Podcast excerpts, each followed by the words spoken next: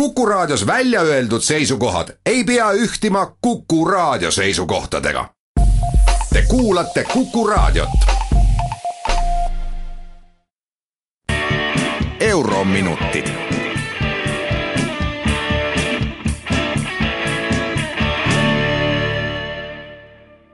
tere päevast, kallid Kuku Raadio kuulajad. eetris on Eurominutid ja Kersti Kaljulaid Pole ammu päevakajalistest asjadest selles saates rääkinud, sest mainstream tegeleb karjuvate küsimustega üldiselt ilma minutagi.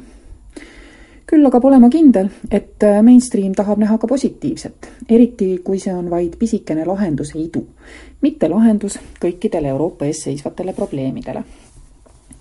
aga see nädal näitas jälle, et surve all Euroopa, kui ta kord vedama saab, siis tuleb lahendusi nagu Vändrast saelaudu Euroopa Komisjon kiitis heaks tervelt kolm uut algatust, mis kõik on vajalikud Schengeni ruumi säilitamiseks.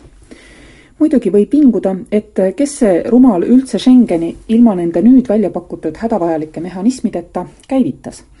aga eks aeg ole edasi läinud, inimesed targemad ja avaliku sektori puhas arvutusvõimsus on samuti suurem viimast läheb aga vaja, sest komisjoni ettepanekud suures osas on digitaalselt lahendatavad, mitte kuidagi teisiti niisiis, komisjon algatas üldise entry-exit registreerimissüsteemi loomise.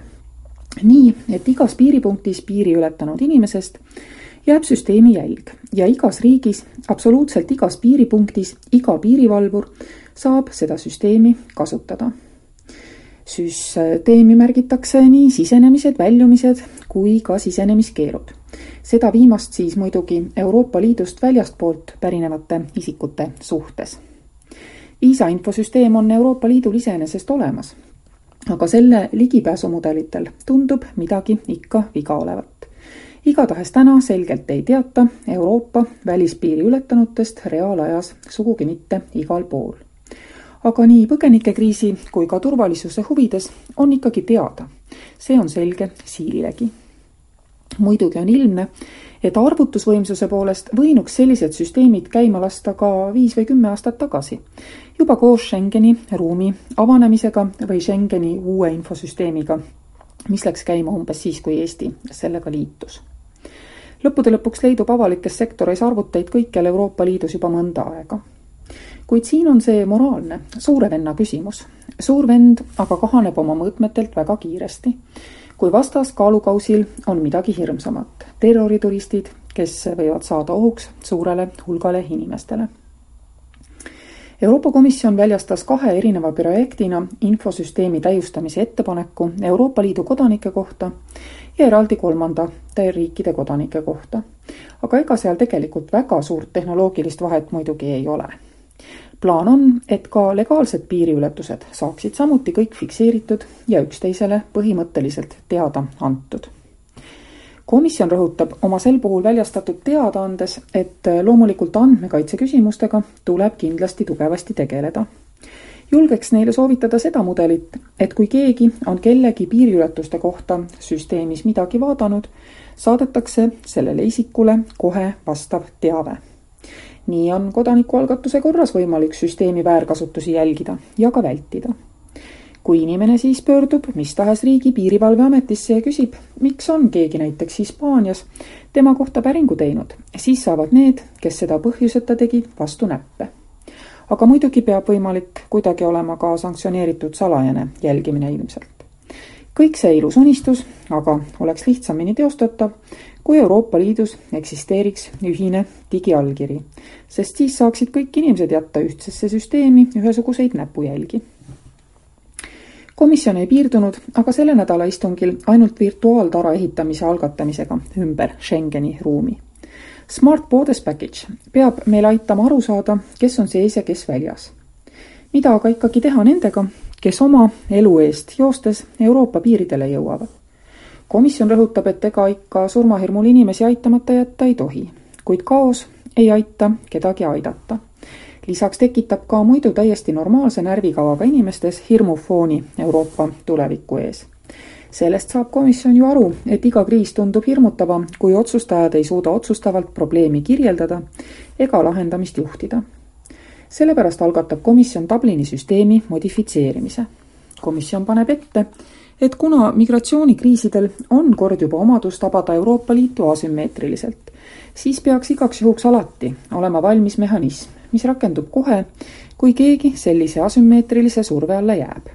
see keegi võib teatud tingimustes olla ka Eesti. nii et niisugune kindlustuspoliis olukorra lahendamiseks kuluks igatahes ära samal ajal tahab komisjon oluliselt piirata Euroopa Liidus varjupaiga saanute vabadusi liidus asumisel. tegelikult ju üsna sarnaselt sellele, mida Eesti Riigikogu tegi, kehtestades tingimusi, et luba asuda Euroopa Liidu territooriumil jääks ikka kehtima. Komisjon saab aru, et kui lasta kõik põgenikud vabalt hulkuma, siis ei tööta nende hajutamise plaanid mitte kunagi seega peavad varjupaiga saanud leppima, et nad määratakse kuhugi elama ja nad ei tohi sellest riigist lahkuda lihtsalt sellepärast, et see neile pähe tuleb. vastasel korral võiks siis ilmselt arvata, et kui sõna ei kuulata ja välja pakutud riigis elamine ei sobi, siis lahkutakse Euroopa Liidust üldse. samuti tahab komisjon, et sarnaselt Türgi koostööle saavutatakse igas potentsiaalses põgenikelaine suunas diil mille kohaselt illegaalsed saabujad lähevad tagasi, aga samal ajal luuakse turvalised kanalid legaalselt saabujatele. selleks on vaja näidata usutavalt, et Türgi mudel tõesti toimib ja saada inimesed mafioossete reisikorraldajate töötulutust tunnistama. seejärel peab veel kord üle vaatama, kas mitte ikkagi lihtsustada haritud ja tööhuvilise seltskonna saabumist Euroopa Liitu ning kuidas me korraldame põgenike vastuvõttu, hajutamist ja majutamist. seda kõike on vaja selleks, et Euroopa Liit väljuks kaosest, kuid see ei vähenda tingimata mehaanilist iivet Euroopa Liidu liikmesriikides. võib-olla võiks soovitada, et Euroopa Liit, selmet et plekkida kollektiivselt ÜRO-sse välisabivahendeid, hakkaks sõltumatult ja ise otsustama oma välisabi kasutamise üle, tundub mulle.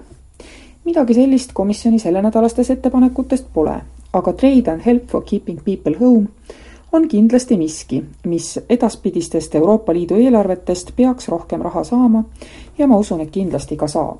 ärme siis Eestis jälle vinguma pista, kui näiteks ühtekuuluvusfondidest meile vähem raha peaks tulema. on ju selge, et maailmas on palju kehvemas seisus paiku, kui Eesti seda on muidugi, tuleb meeles pidada, et need on kõigest komisjoni ettepanekud. aga komisjon tüüpiliselt toob oma algatused välja nii, et mõningane osa edasisest teekonnast läbi liidu nõukogu ja parlamendi on juba vaikselt ära sillutatud. siiski ootan MEP-idelt lahingut teemal jälitamine ja isikuvabadused, aga see küsimus, kas olla oma ja teiste riikide politseile rohkem nähtav või olla surnud, on ilmselt hetkel niimoodi üleval, et komisjon viib oma tahtmise paremate infosüsteemide ja tugevama piirikontrolli saavutamiseks ka läbi.